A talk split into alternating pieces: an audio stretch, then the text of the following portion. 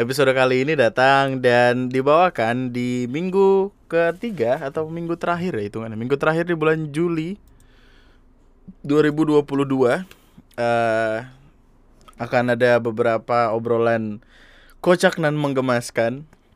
Salah satunya datang dari TikTok yang gue juga nggak tahu kenapa kehidupan warga-warga Citayam Fashion Week ini berubah menjadi semacam anomali. Dibilang terkenal nggak terlalu, dibilang nggak terlalu, tapi kok banyak yang tahu. gitu. Ada beberapa obrolan tentang itu dan beberapa hal lain ya, karena ini bukan TNM ini podcast anyway. Tapi nama gue Andri dan selamat datang di Lunatic Podcast.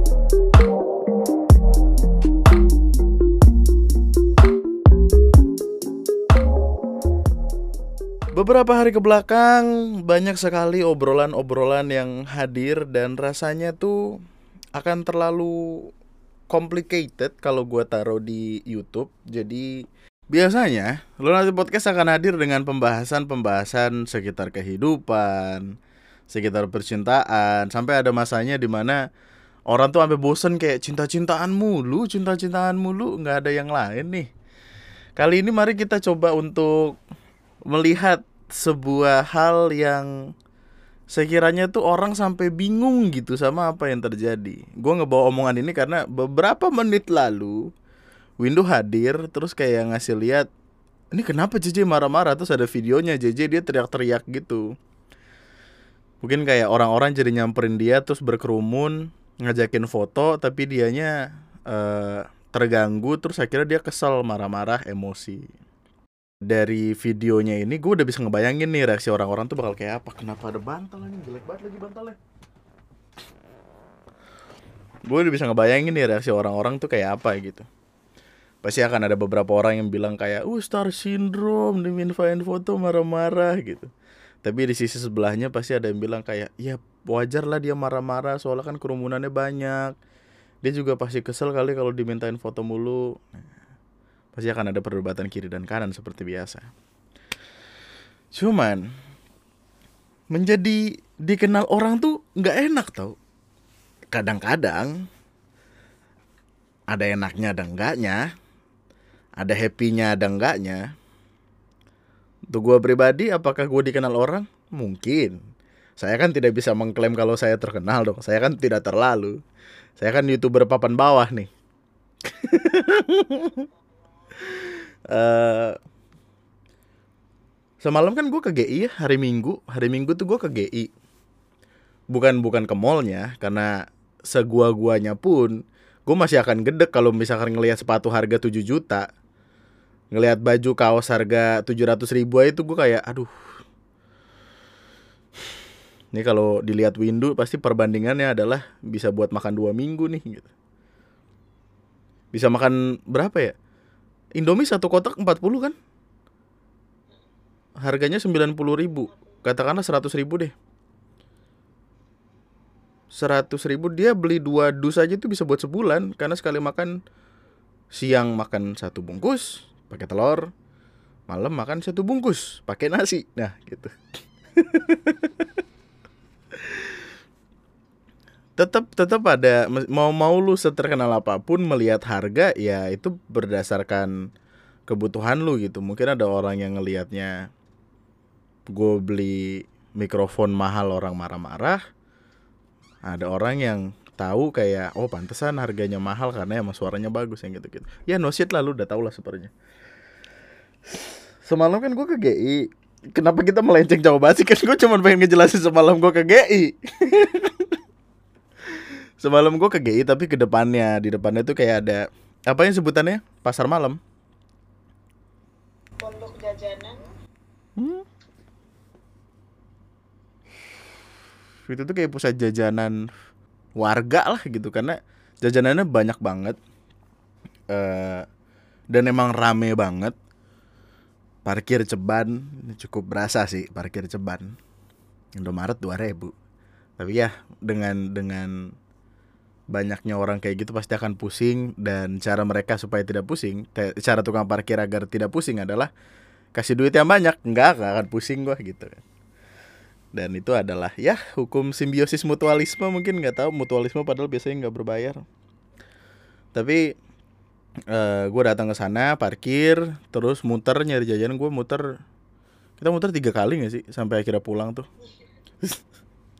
Muter nyari jajanan terus uh, kita beli apa aja ya? Beli jambu cabe itu. Karena gue sempat bikin gue sempat bikin gitu man di rumah. Yang jambu garam cabe jambu biji ya. Terus dikocok-kocok terus jadinya kayak apa? Yang gue bikin gak enak. Tapi kalau orang-orang pada suka gue pengen nyobain yang aslinya gimana?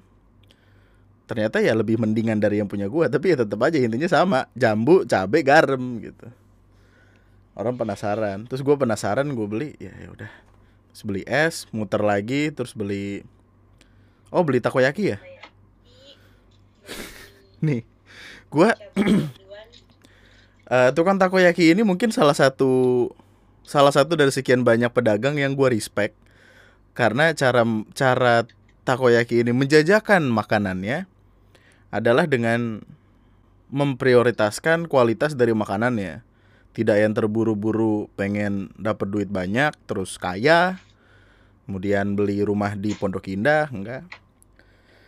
Yang mereka pengen tuh cuman makanannya sampai ke tangan orang itu dalam kondisi sebaik-baiknya. Bahkan kan malam gue beli terus paginya masih paginya gue bangun tidur jam sembilanan gue buka masih seperti bentuk aslinya dan rasanya masih iya masih masih enak bentuknya masih bulat meskipun dingin harusnya diangetin dulu tapi gue beli ke sana terus kalimat yang keluar dari abangnya adalah tapi ini 30-40 menit ya gitu kata gue wah ini yang beli satu kecamatan Bojonegoro apa gimana sih? Bojonegoro kecamatan. Nah, itu dari mana Bojonegoro kecamatan itu kabupaten eh kelurahan eh. Kayak gitu. Pokoknya 30 sampai 40 menit. Oke. Terus kalau ini tinggal dulu boleh nggak? Boleh, tapi bayar dulu. Oke. Arah bayar. Saya makan.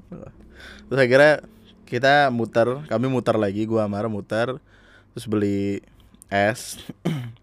es jeruk jeruk sankis sama jeruk peres terus Sarah sempat nanya ke abangnya e, omset pendapatan dari jualan jeruk kayak gini berapa ya sehari bisa satu setengah ya satu dua setengah dua setengah juta sehari untuk jualan es nduk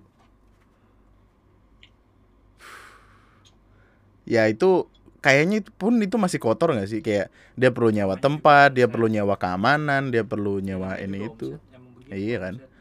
cuman uh, untuk dua setengah juta sehari katakanlah parah-parahnya udah dapat satu juta sehari bersihnya itu masih untung lu sebulan berarti udah dapat 30 juta loh. Tapi kan pada akhirnya ya itu ada naik turun ya. Itu kemarin ramai karena gue hari minggu malam di sana terus ke jajanan ke ada satu jajanan kocak depan jadi kan uh, di di dekat perumahan gua ada perempatan yang penjualnya itu ngejual kayak jajanan Korea tapi yang yang apa gimana ya? Pokoknya itu makanan yang biasanya dibakar di tukang sosis bakar kayak uh, yang crab stick atau yang isiannya keju yang bentuknya kayak kerucut itu terus sosis bakso. Ya pokoknya gitulah. Uh, dengan kuah bumbu-bumbu Korea. Ada samyang ada pedes ada apa namanya tom yum. Saya belilah. Ara Ara pengen. Ya udah kami mengantri. Terus gue ngeliatin abangnya tuh kayak gimana ya? Lu tau gak sih tipikal orang pengen jualan tapi semangatnya ya udah di 5 jam 6 jam pertama. Setelahnya pengen pulang. Jadi abangnya bro itu ngantri. Karena emang itu salah satu makanan yang diprioritaskan orang-orang lah. Apa namanya? Best sellernya lah di sana. Karena emang hanya satu orang itu aja yang jualan. Tapi abangnya tuh kayak kayak tipikal gimana sih? Gue pengen ngomong gak, gak enak jual eh nggak pengen jualan tapi nggak enak gue pengen ngomong di ogah-ogahan tapi buktinya dia dagang gitu. Mukanya tuh kayak seolah-olah dalam hati dari pancaran mukanya tuh marah-marah kayak anjing anjing. Gue kan nggak pengen jualan kenapa lu pada ngantri di situ sih? Biarin apa gue sendiri gitu. Mukanya tuh bener-bener muka yang gimana ya? Gue gue contohin. Bener-bener yang bete gitu loh dan lama. Well gue pun gue gue nggak masalah karena untuk melihat abangnya itu itu udah hiburan buat gue gitu. Karena jarang sekali untuk melihat uh, abangnya tuh seperti kita bilangnya tidak bersemangat ya. Kita tidak boleh bilang tidak ingin berjualan lah buktinya abangnya masih jualan gitu. Cuman tertekan abangnya. Ya Allah kasihan. Tapi enak definisi sesungguhnya dari dari nggak pengen buat jualan malah buka cabang tuh begitu tuh. Tapi enak sumpah enak banget. Gue aja bingung dah. Entah kenapa enak. Cuman uh, gua itu kita beli di antrian nomor katakanlah antrian ketiga atau keempat gitu lah ya. Dan jarak antara antrian yang paling mendekati sampai sama kami itu kan harusnya nggak jauh-jauh banget dong dan abangnya tuh sebenarnya metodenya adalah mengambil uh, 6 atau 7 isian kemudian ditaruh dalam satu oh 8 dalam satu tempat. Kemudian dibungkus udah gitu. Maksudnya secara secara keribetan ya tidak yang harus dimasak dulu atau apa. Tapi sampai ke kami ada 15-20 menit gue ngeliatin abangnya kayak ngegerendeng sendiri. Kan gue bingung ya tapi enak tapi seru. Mungkin abangnya lagi lagi harinya lagi buruk aja sih kayaknya sih. Mungkin kayak ada customer rese yang tiba-tiba dipanci dipanci tom yamnya diisiin bubuk mesiu ya kan? Terus meledak. Terus akhirnya kayak dia bete seharian gitu gara-gara itu mungkin. Tapi mungkin kalau lu ke GI coba samperin dah. Abangnya masih happy atau enggak siapa tahu waktu lu datang happy. Ab iya pokoknya dia posisinya di paling depan. Namanya apa deh uh, seafood Korea kalau gue nggak salah. Tulisannya seafood Korea. Coba lu samperin ya abangnya lagi happy apa enggak apa apa jangan-jangan gue yang ngebikin abangnya nggak happy? Gue nggak tahu juga. Tapi gue nggak ngomong nggak apa kami cuma ngobrol di belakang gitu. Ada tuh yang kayak bang mau dibantuin nggak bang? Parah banget. Anjing dah. Orang lagi dagang tiba-tiba mau dibantuin nggak bang? Bang saya magang dah bang. Mulutnya mulutnya sembarangan banget astagfirullah. Pengen gue siram. Kayaknya abangnya tuh dalam hati lu gue siram Iya, itu posisinya jam 8 loh. Yang mana itu peak, peak season lah, apa namanya? Kalau kalau dalam dagang itu uh, golden golden moment lah, golden time-nya untuk dagang gitu karena rame-ramenya jam segitu. Tapi ya akhirnya dapat. Terus ternyata enak, beneran enak. Terus kami balik lagi lah ke tukang takoyaki tadi karena kan kalimatnya ditinggal nanti balik lagi. Sejam baru dapat, Bro gue gue nggak tahu apa yang terjadi. Iya setengah sepuluh kami baru balik. Sampai rumah jam sepuluh. Gue gue berangkat ke situ tuh abis isya. Nyampe sana tuh sekitar setengah delapan ya. Setengah delapan jam delapan lah. Setengah sepuluh baru jadi. Karena emang uh, ini tuh kayak satu keluarga gitu. Ayah ibu dan anak. Dan emang dia juga udah ngasih disclaimer nih dari awal tapi ini rada lama ya 30 sampai 40 menit dan kami setuju. Jadi kalaupun uh, jadi tidak ada hak kami untuk merasa ada masalah di sana. Udah udah udah saling kedua belah pihak udah setuju lah gitu. Terus tuh gue samperin. Uh, uh. Oh iya itu cara bagus buat ngindarin komplain tuh dengan ngomong kayak gitu dari awal. Waktu datang dia masih dibikinin dan itu dibikinin bener-bener pesanan per pesanan, tidak yang dia bikin semuanya dijadiin terus nanti dipisah-pisah enggak gitu. Bener-bener yang ada namanya tulisannya pesanan-pesanan pesanan jadi ya inquiry-nya berdasarkan pesanan yang datang. Dari yang mesen terus tinggal muter terus kayak belum ya? Oh belum ini lagi mau diproses. Oke duduk nunggu. Bangun dikiranya udah jadi ternyata belum berdiri dulu. Sampai ngobrol-ngobrol lama gitu. Terus dan ibu-ibunya baik gitu. Takoyaki apa namanya? Hitomito Hitomito. Di GoFood ada. Coba dah. Tapi kasihan abangnya tuh. kasihan abangnya kalau kelamaan. Kasih tips sih paling. Cuman ya itu salah satu yang respect gitu. Emang lama tapi ya ada ada waktu ada rupa. Kan biasanya ada harga ada rupa itu ada waktu waktu yang lu keluarkan tuh setimpal dengan yang lu dapatkan gitu karena emang enak dan bentukannya bener yang kayak takoyaki bulat seperti kue pingpong. Wah tako bukan biasanya itu takoyaki. Iya itu lebih gede bentukannya takoyaki yang biasanya kan waktu nyampe tuh ketika ditusuk kempes.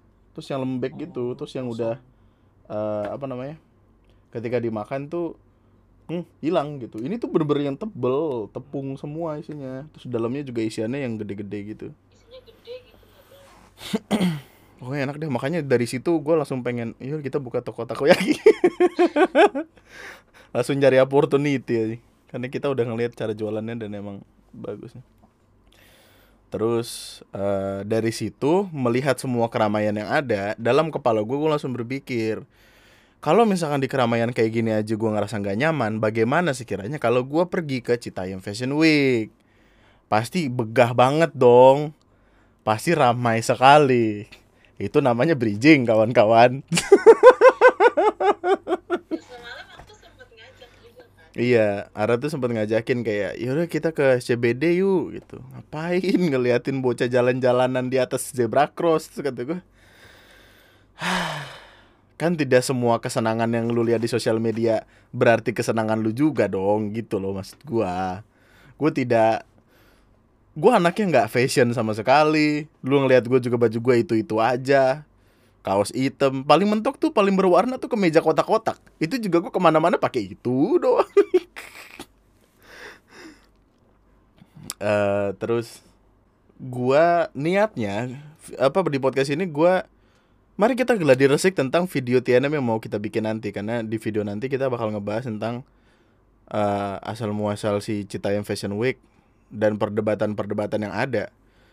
Karena beberapa waktu lalu sempat ada kabar di mana salah satu youtuber yang hobinya ngerusuhin aja, hobinya pengen banget ngikut-ngikut aja, itu baru aja mendaftarkan Citayam Fashion Week sebagai hak kekayaan intelektual atau haki, hak atas kekayaan intelektual.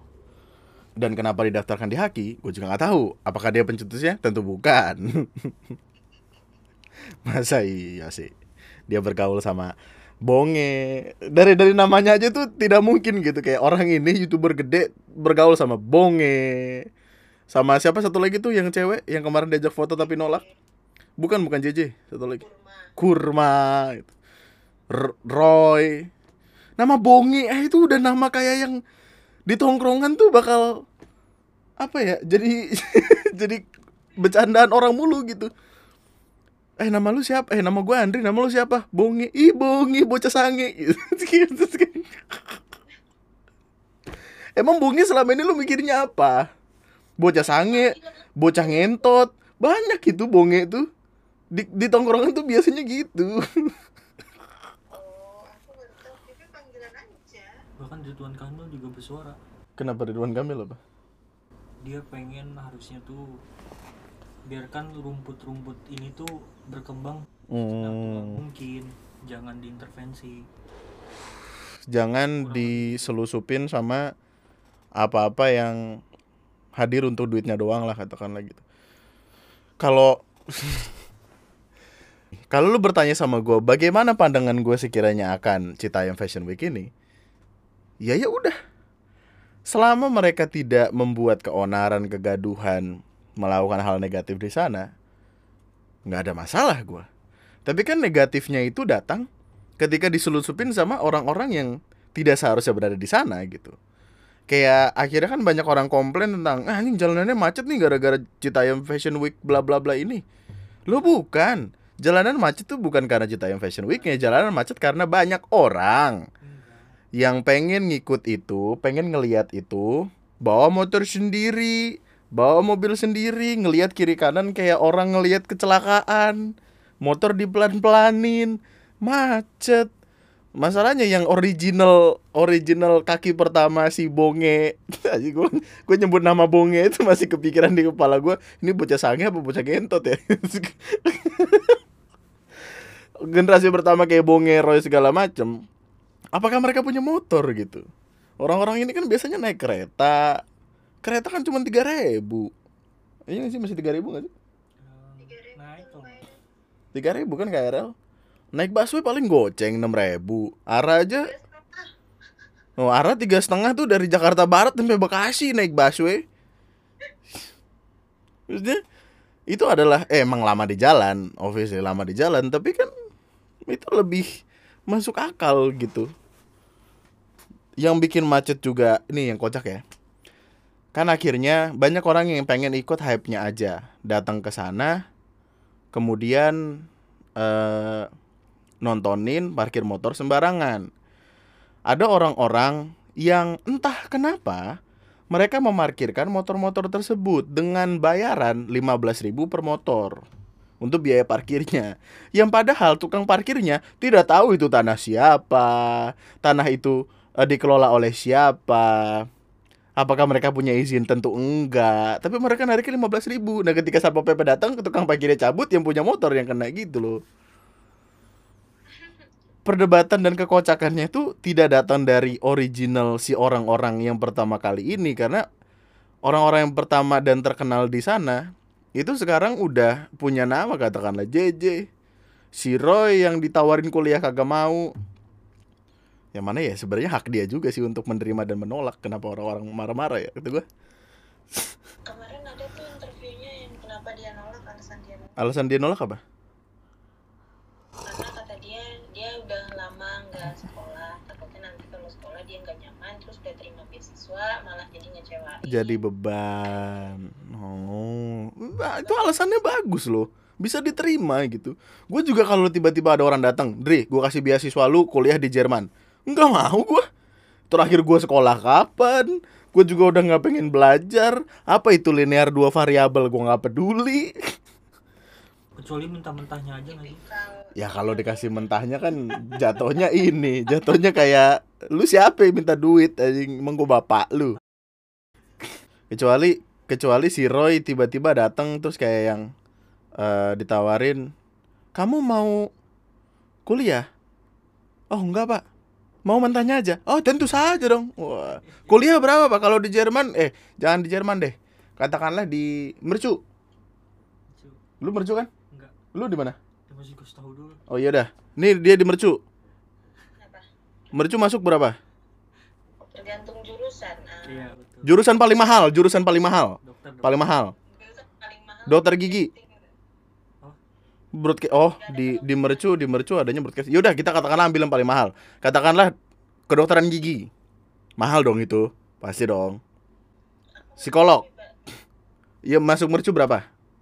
Masuk mercu untuk jurusan paling mahal ah, broadcasting itu 34 juta. 34 juta dapat Nmax baru. Itu belum sama semesteran, belum sama ini. Bapak boleh mentanya aja. Oh, dihitung. Biaya masuk 30, 34. Semesteran berapa? 8 juta ada? Ada. Nah, yaudah 8 8 kali semester berapa berapa semester sih? Ter- eh, kalau 8 S1 kali 8 8, 64. 64. Oh, itu udah hampir 100 juta tuh. Nah, ya udah. Pak, maaf. Saya kan kalau kuliah kagak bisa. Saya kan udah kagak masuk nih Dar- daripada ntar guru ngomong masuk kuping kanan mental gitu kan. Kalau mending kalau masuk kuping kanan keluar kuping kiri masih ada yang nyangkut dikit. Ini mental, Pak. Jadi gimana nih? Kasih duitnya aja ya gitu. 100 juta lumayan gitu. Dia beli tanah petak, bikin kontrakan, kaya. Wah.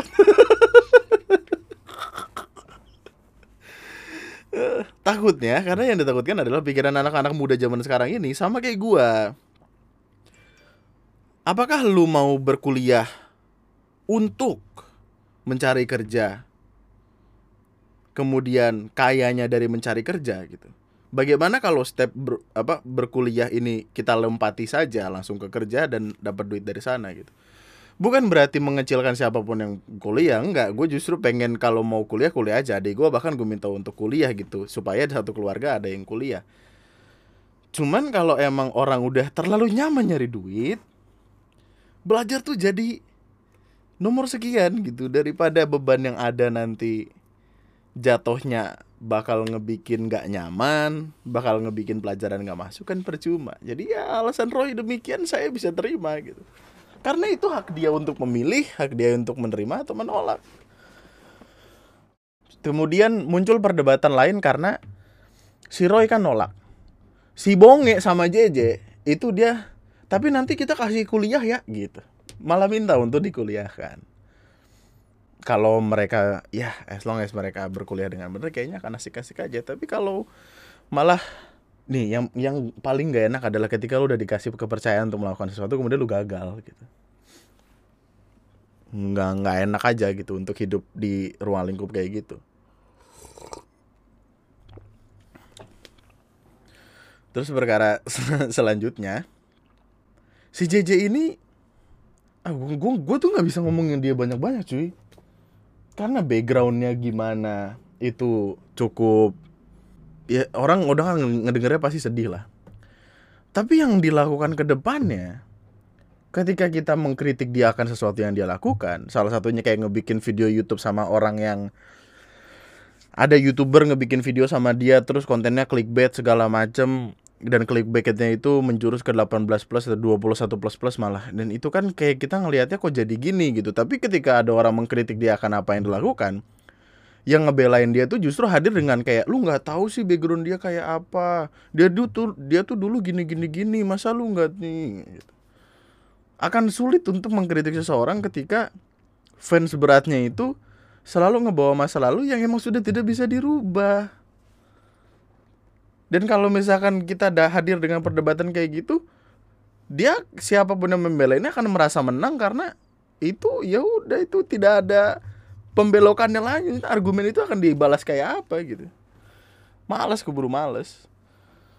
Kemudian cita yang Fashion Week terancam dibubarkan. Kemudian Bonge, eh bukan Bonge sih, Bonge kayaknya masih happy ya. Roy dan kawan-kawan mencetuskan untuk pindah haluan ke Pantai Indah Kapuk. Oh, Roy ini tuh kayak independen bro. Roy ini tuh kayak kayak tidak terafiliasi dengan siapa pun. Bonge in other way terafiliasi dengan Baim Wong. JJ terafiliasi dengan Fuji. Nah Roy ini ini tuh dia tuh kayak Elon Musk yang ngejual PayPal untuk ngebikin ini baru tuh.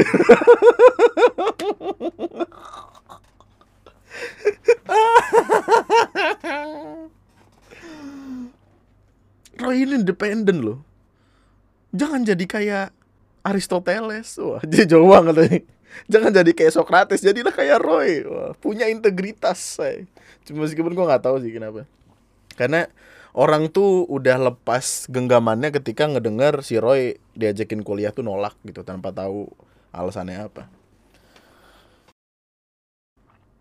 Created by the poor, stolen by the rich. tapi kayaknya mereka mereka itu nggak nggak terafiliasi sama salah satu orang deh jadi eh, tadi aku lihat di twitter ada cuplikan video itu katanya Bonge, Roy, JJ gitu-gitu pokoknya yang kayak in- istilahnya kayak kreator TikTok terbesar di sana Inisiator, inisiator. inisiator mereka tuh eh, enggak enggak terikat manajemen mana pun gitu jadi karena mereka ngelihatnya di sini udah udah udah Nggak asik. jadi dia pindah Mm-mm. Udah Cuman yang yang di kepala aku tuh kayak ini bocah nih temenan sama ini, ini si bocah terkenal karena temenan sama si ini. Si Roy itu nggak ada loh. Siapa? Si Roy paling pacarnya DJ Roy pacarnya JJ. iya Oh yang bocah gelendotan. Oh JJ gelendotan itu ke Roy. Astagfirullah. Gue kira itu si Bonge atau si bocah lain gitu. Astaga. Oh iya juga ya. Berarti secara nggak langsung tuh kayak titik ke titik tuh ketemu ya. itu kayak coba bayangin si Roy sama JJ pulang eh, ke rumahnya gitu katakan dia kan masih pacaran terus nongki berdua gitu ngobrol. Itu kayak kayak petinggi perusahaan sedang berusaha untuk memecahkan masalah dari perusahaannya gitu. Ini kita nggak bisa biarin ini yang kita nggak bisa kayak gini. Tiba-tiba anak jaksel datang, anak jakpus datang, ada orang dari Bojonegoro datang, gimana? Tiba-tiba di dalam situ ada geng motor ingin masuk menelusup, sebenarnya tidak masalah. Tapi kalau kayak gini, esensi untuk fashion show kita hilang. Wah, gitu. Mari kita pindahkan kejayaan kita ibu kota negara ini kita pindah. Wah. dari SCBD pindah ke PIK. Ntar kalau dari PIK mungkin akan pindah lagi ya kita nggak tahu. Karena Iya, karena meskipun demikian tempat itu sendirilah yang akan naik. Katakanlah perekonomian dan lain sebagainya. Orang kemarin Abang Cilok aja bisa sampai juta-juta loh dapat duitnya gara-gara Roy dan kawan-kawan kan at least menaikkan apa namanya pendapatan dan lain sebagainya gitu. Iya, ekonomi sekitar tuh jadi melonjak cukup tinggi. Ketika dia pindah ke PIK, ya harusnya di PIK juga merasakan hal yang sama meskipun kita udah tahu kalau di PIK tuh isinya orang-orang kaya. Keluar rumah, keluar rumah nggak naik mobil tapi naik yak-yak gitu. kan kalau di PIK tuh transportasinya susah maksudnya kalau orang kaya mereka mau naik apa ke sana boti Eh, Iya, boti bener. Boti bopat. Boma. Eh. Bonceng 4, bonceng 5, nebeng, BM, BM truk Fuso. Oh. Maksudnya di mana lagi gitu pertanyaan tuh? Apakah mau pindah ke Bekasi? Harapan Indah tuh bagus tuh, cuman Harapan Indah kan banyak mobil lalu lalang. Eh SCBD tuh udah Kenapa SCBD pada awalnya jadi tempat pertemuan mereka? Karena SCBD itu pedestriannya banyak. Nyaman sekali untuk jalan di sana meskipun ya banyak hal yang bisa tetap bikin gak nyaman tapi pedestriannya ada gitu. Kan fungsinya dulu yang ada. Kemudian orang kan niruin itu katakanlah di Braga, kemudian di Purwokerto. Apakah pada akhirnya ketika tempatnya pindah vibe-nya, hype-nya akan sama gitu? yang dari yang sedari awal gue takutkan ketika keramaian ini terjadi adalah apakah lu bisa mempertahankan keterkenalan lu atau tidak. Siapa pun yang naiknya cepat, turunnya juga akan cepat. Karena nggak organik, karena ya sesaat aja gitu. Makanya kemarin gue ngomong sama Ara, ini kan apakah ini pada akhirnya akan menjadi seperti kasus kebanyakan youtuber yang bukan dikenal tapi tiba-tiba punya nama atau seperti Caya-Caya siapa namanya? Norman Kam Norman Kamaru atau yang itu duo racun itu apa sih yang dasar kau yang racun. Yang namanya naik kemudian hilang tidak tahu ke mana. Dari kabar yang terakhir gua tahu sih Norman Kamaru jadi DJ ya gua gak tahu juga sekarang. Sekarang gimana? Udah jauh ya? Dari polisi yang biasa menertibkan diskotek diskotik oh sekarang jadi DJ sulit juga. Nah, jalan hidup itulah yang apakah bisa mereka pertahankan atau enggak. Tapi selama mereka punya nama, selama mereka punya hype-nya dan bisa mempertahankan itu, gua rasa ya nggak ada masalah. Kemarin aja gua kocak tuh yang si Kurma nolak ajakan fotonya si siapa? Itu tuh eh kita kita buka-bukaan ya. Gue lebih ngelihatnya kayak bocah sombong ketemu bocah baru naik. Kayak kayak itu ada unsur pengen merendahkan sesuatu dengan nunjukin kayak anjing gue yang lebih terkenal ditolak foto sama orang yang baru terkenal gitu loh orang tuh ngelihatnya selalu kayak gitu karena headline gak sih juga ya gue ngelihat gue dari ngelihat kalimatnya dia adalah kayak gimana perasaannya setelah ditolak foto? Kita eh, rada kecewa sih. Kecewa sama diri sendiri tapi ya gitu gitu maksudnya mereka membuat itu sebagai bercandaan yang mendeskripsikan dan menurunkan orang lain gitu. Makanya jangan pernah bermain-main dalam dunia fame dan ketenaran yang fana dan semu ini kawan. Pada akhirnya orang tuh ujung-ujungnya pengen nyari duit doang. Tentang bagaimana mereka pengen dinilai di society. Dan gue membenci itu makanya gue berhenti untuk kayak yang ya Allah. Saya ditanya di Indomaret, di Alfamaret, Abang Andri TNM, saya deg-degan, saya ingin pulang dunia dunia keterkenalan ini tuh kayak nggak ada orang baik nggak ada orang jahat gitu pada akhirnya kayak katanya Panji dan ini sama kayak di politik nggak ada orang baik nggak ada orang jahat adanya cuman orang orang bisa baik bisa jahat tergantung di mana posisinya sama siapa dia ngomong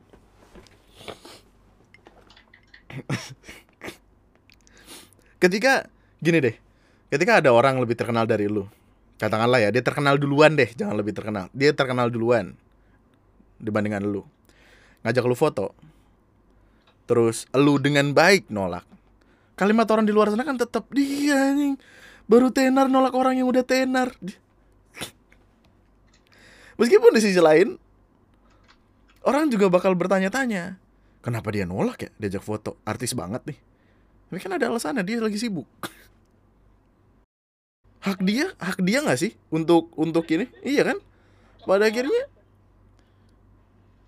adalah haknya dia untuk apakah gue pengen diajak foto atau enggak. Gue bisa nolak karena ini my body my authority. Wah segitu anjing. Apaan itu? Nyambung gak?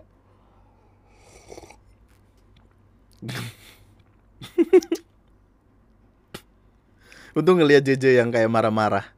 Karena ada video itu yang tadi baru ditaruh sama Windu di di WhatsApp. JJ marah-marah teriak, "Minggir, minggir." Iya, Coba ulang, coba ulang.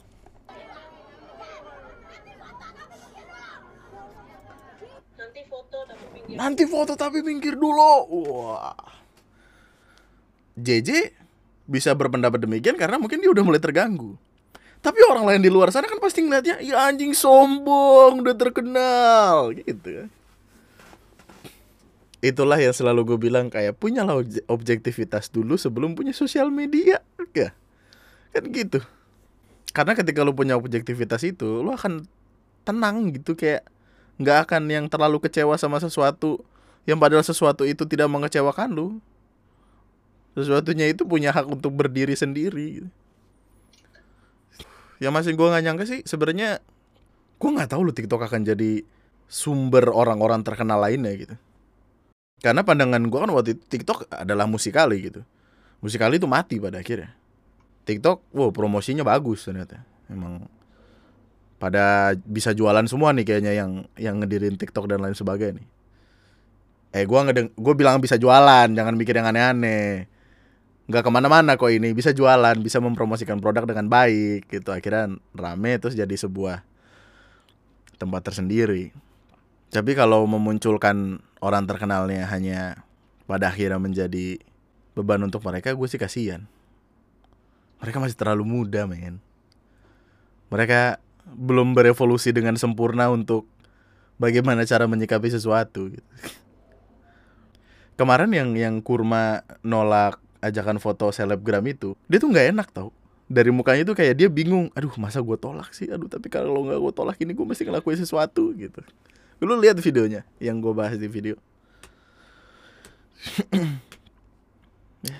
Mari kayak kita kasih jatah waktu sebulan dua bulan gak sih? Kita paling lama tiga bulan lah. Akan dibawa sejauh apa? Akan belok ke mana pada akhirnya? Apakah bisa mer- mereka mempertahankan hype dan keterkenalan yang ada untuk menjadi sebuah hal yang baru? Siapa tahu abis ini ada film. Ya. kan? Citayam in the multiverse of madness. Wah, mereka ketemu sendiri, dirinya sendiri. Mungkin selanjutnya mereka akan main film yang mana kemudian akan ada kritikus-kritikus film yang bilang, aduh, belum siap mereka gitu. Apa itu yang yang ini, yang reviewer film kesukaan lu tuh? Eh, Cinecrip, ya. Cinecrip. Krip-krip. Lu coba tonton Cinecrip, seru gue nontonnya enak, asik. Ada beberapa film yang dalam kepala gue seharusnya gua eh ada dalam ada sebuah film yang direview sama mereka. Kalimat mereka adalah apa yang ada di kepala gue tentang film itu. Bagus. Eh mungkin mereka akan main film, mungkin punya film sendiri kan yang tadi gue bilang. Mungkin mereka akan membuat aplikasi eh, atau atau cerita yang Fashion Week ini nantinya akan dibuat sebesar itu untuk pada akhirnya jadi event nasional. Wah, gila. Untuk elu, siapa pun lu yang pengen jadi terkenal, monggo. Tapi resikonya adalah apa-apa yang mungkin lu bisa lihat sekarang. Kebingungan bagaimana ada di society, bagaimana cara mendagapi orang minta foto, bagaimana cara dia memanfaatkan fame itu supaya tidak diakui sisi oleh orang yang pengen duitnya doang. Ini tuh kayak ada dualisme ketidakadilan gitu loh, bener kan kayak made by the poor stolen by the rich apa sih create. by the poor stolen by the rich. Apakah lu rela gitu nantinya? Kesenangan lu yang emang lu jadikan sebagai ya tempat lu untuk bersuara atau having fun ketika tidak ada tempat lain. Dijadikan ladang penghasilan bagi orang yang emang pengen duitnya aja pada dasarnya. Tapi kalau mereka punya visi misi jelas mungkin kita tetap akan apa ya menerima dengan senang hati kali. Nggak tahu juga. Mending kuku Bima bersama Kuli membangun Indonesia. Kenapa ya kuku Bima dari dulu nggak ada bikin itu ya? Jargon kayak gitu ya? Kuku Bima jika di rumahmu sedang ada pembangunan panggil kami. Kami akan menyediakan stok untuk kuli-kuli kamu. Bersama Kuli membangun rumah. Ah nggak masuk. Eh, bersama Kuli membangun Rumah impianmu. Enggak, I juga dong harusnya. I juga. Bersama Kuli membangun rumah sendiri. Ya. eh, BTW ngomong-ngomong tentang Kuli Jawa ya. Gue tuh bersyukur sekali.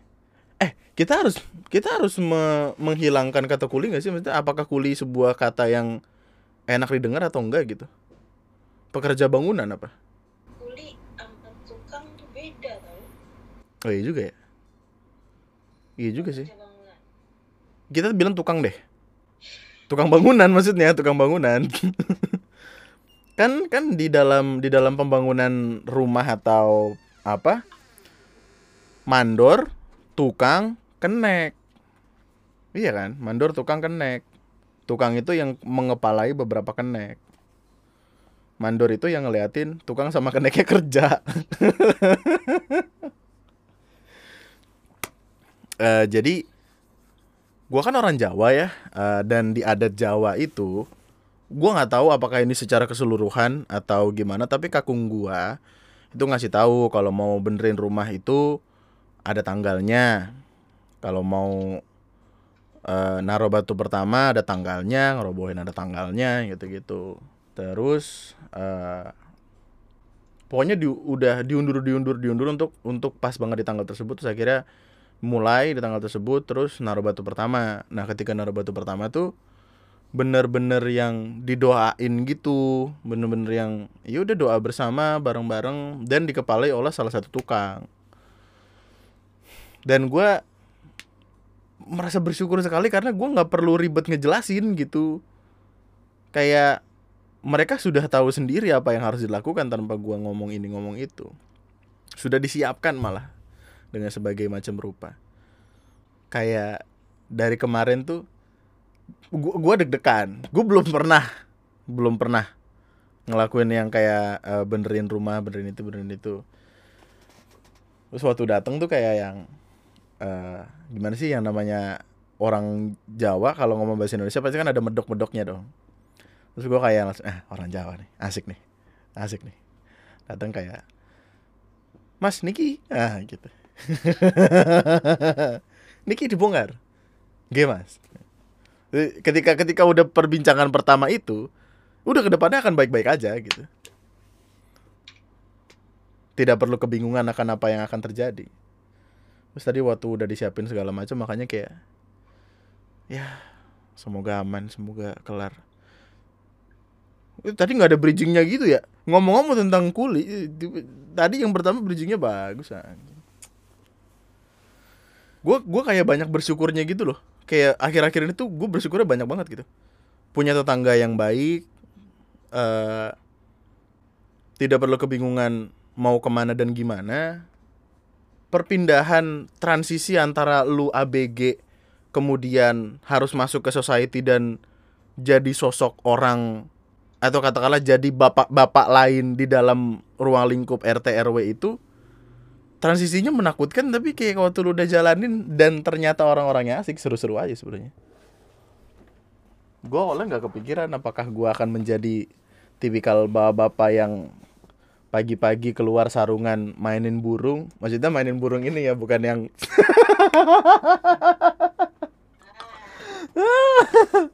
gur gur gur gur gitu. Jangan jabutin jenggot pakai koin. atau pakai gunting kuku kayak Windu itu tipikal pekerja ini yang kayak jam 6 udah nyiramin tanaman jam setengah tujuh sarapan jam 7 manasin mobil eh jam setengah tujuh sarapan sambil manasin mobil jam 7 berangkat ya. Nyium istri ya tetangga ngeliat kayak terus tetangga ngomong sama suaminya pak aku mau dong digituin. Ya ya udah sana gitu. Terus istrinya ikutan dicium ya. sama bapak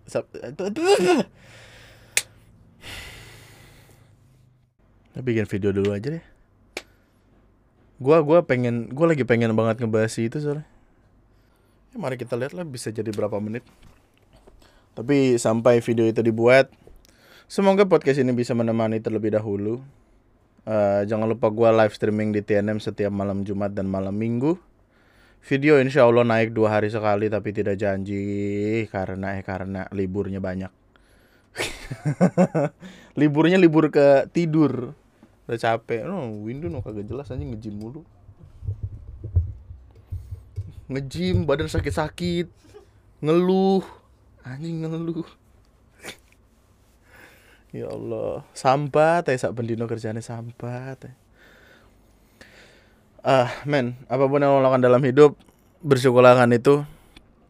Belajarlah objektif dalam menikapi sesuatu apa pun itu. Semoga nantinya kita akan dipertemukan dengan ruang lingkup dan ranah dan wilayah yang kita sukai. Tanpa perlu kepikiran apakah yang gue lakuin ini salah apa benar karena ketika lo salah lo akan dibantuin sama orang di sekeliling lo itu aja untuk podcast kali ini. Kita ketemu di minggu depan. Eh, jadwalnya mungkin akan setiap hari Senin aja. Karena saat hari Minggu butuh libur. Bro libur jarang-jarang ini. Gue cuti juga bingung kayak kemarin di live gue bilang kayak Windu kalau cuti ngomong gue Ara kalau cuti ngomong gue gue ngomong ke siapa? Ke Tuhan. Tuhan ingin cuti. Itu namanya marah-marah. Podcast naik setiap hari Senin ya. Ah, di Anchor di Spotify jam 7 di YouTube secepatnya karena YouTube kan versi video rendernya lebih lama soalnya. Itu ya nama gue Andre. Sekian dan ayo Ndu ke kita yuk. CBD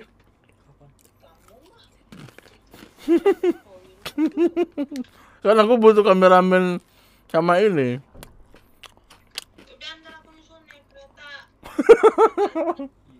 Buntut buntut. Mana mana punya buntut gua. Yang ini kan kerja yang. Aku juga kerja ntar aku bantu satuin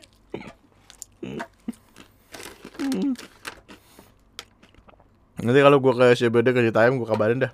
Ya tapi jangan ntar ke sana kayak ah ngikut-ngikut aja lu so asik lu. Tiba-tiba bikin komunitas ke sini ngapain lu? Gitu. kemarin soalnya kayak ada poster gitu orang pengen San Mori ngelewatin CBD eh dikomplain. Kenapa? Dikomplain. Karena San Mori kan di Bogor. Cimori bang. Cim Cimori. Cimori Cimori. Cimori Cimori Cimori Cimori Cimori. Cimori Cimori. Nggak usah marah-marah dulu Cimori. Ya ya ya. Udah ya bye bye thank you